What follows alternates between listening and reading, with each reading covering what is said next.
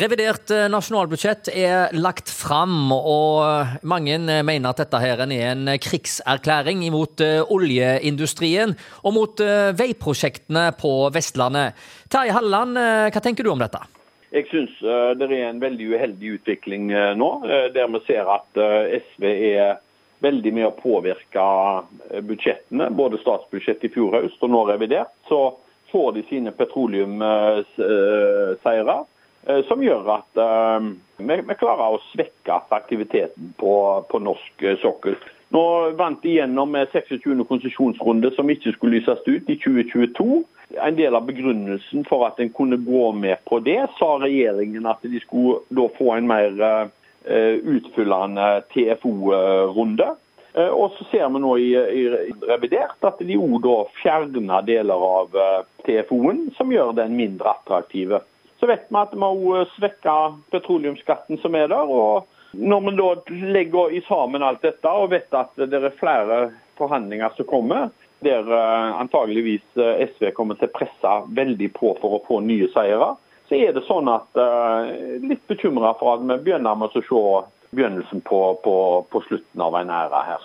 Men eh, nå er det jo krise i Europa, og eh, Europa trenger mer eh, gass. De trygler Norge om å produsere mest mulig for å bidra i, i, denne krisen. Burde ikke Norge her egentlig stått sammen om å hjelpe Europa? Altså Gass er jo miljøvennlig, så det holder? Ja, nei, det, det, det, er svært uheldig, men miljøbevegelsen i Norge ser på det som altså klimafiendtlig at det blir produsert på gass i, for Norge. Eh, de ser ikke den problemstillingen at eh, andre land står klar til å overta den produksjonen. Eh, Norge har et veldig lavt klimaavtrykk på det vi produserer. Men vi vet òg altså, akkurat den geopolitiske situasjonen nå som, som, vi har fått oppleve. Altså betydningen av, av energi som, som, en maktpolitikk. Der det er bare USA og og Norge igjen av demokratiske land som, eh, som produserer olje og gass, og hva det betyr. Hvis eh, f.eks. disse landene skulle gitt eh, ifra seg produksjonen til Venezuela, til Saudi-Arabia, til Russland, som er bandittstater som, som ville utnytte den situasjonen, akkurat som Russland har gjort nå overfor Europa med krigen i, i Ukraina. Men så er det jo her et angrep eh, på E39 på Vestlandet. Nå skal jo veiprosjektene strupes, eh, så det holder, eh, ut ifra det vi leser? Ja, og det er jo det som tydeligvis står der. Nå vet vi at regjeringen allerede i forkant av revidert begynte å stille spørsmål om veibygging, og, har i alle sine budsjetter kutta. De har kutta på på mindre beløp. De har kutta på vedlikehold, de har kutta på trafikksikkerhet, som fort eh, det går utover. Nå skal de jo se på motorveiprosjektene. Altså de viktige stamveiprosjektene som går mellom regionene våre. Det vil være spesielt for vår region eh, mellom eh, Rogfast og, Hordfast.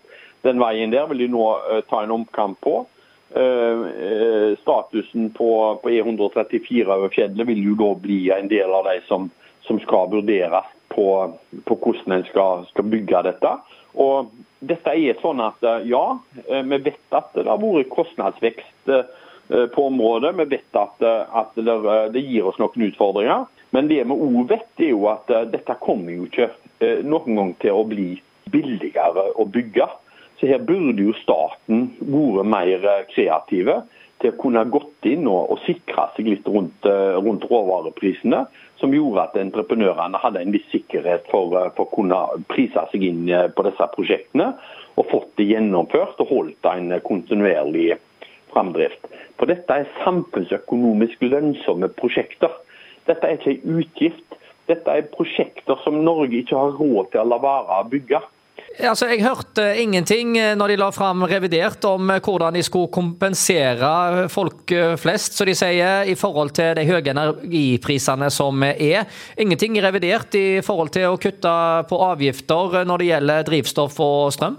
Nei, det som er uheldig her, det er jo at når du da går inn og ser på De bruker penger på bistand, de bruker penger på laks.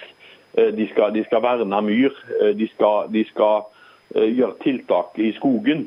Men de glemmer altså sine egne innbyggere, som er i en helt spesiell situasjon.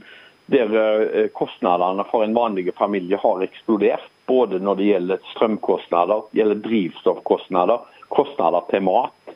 Og ingenting av dette ønsker regjeringen å, se på. Det er jo svært skuffende. Og når en nå tar med seg de utfordringene som, som næringslivet har, og, og, når dette begynner å slå ut på at uh, det er bedrifter som, som kaster inn håndkle, og arbeidsledigheten kan bli, risikere at, at, det vil stige, så, så, har altså regjeringen ingen tiltak til å komme dem i møte.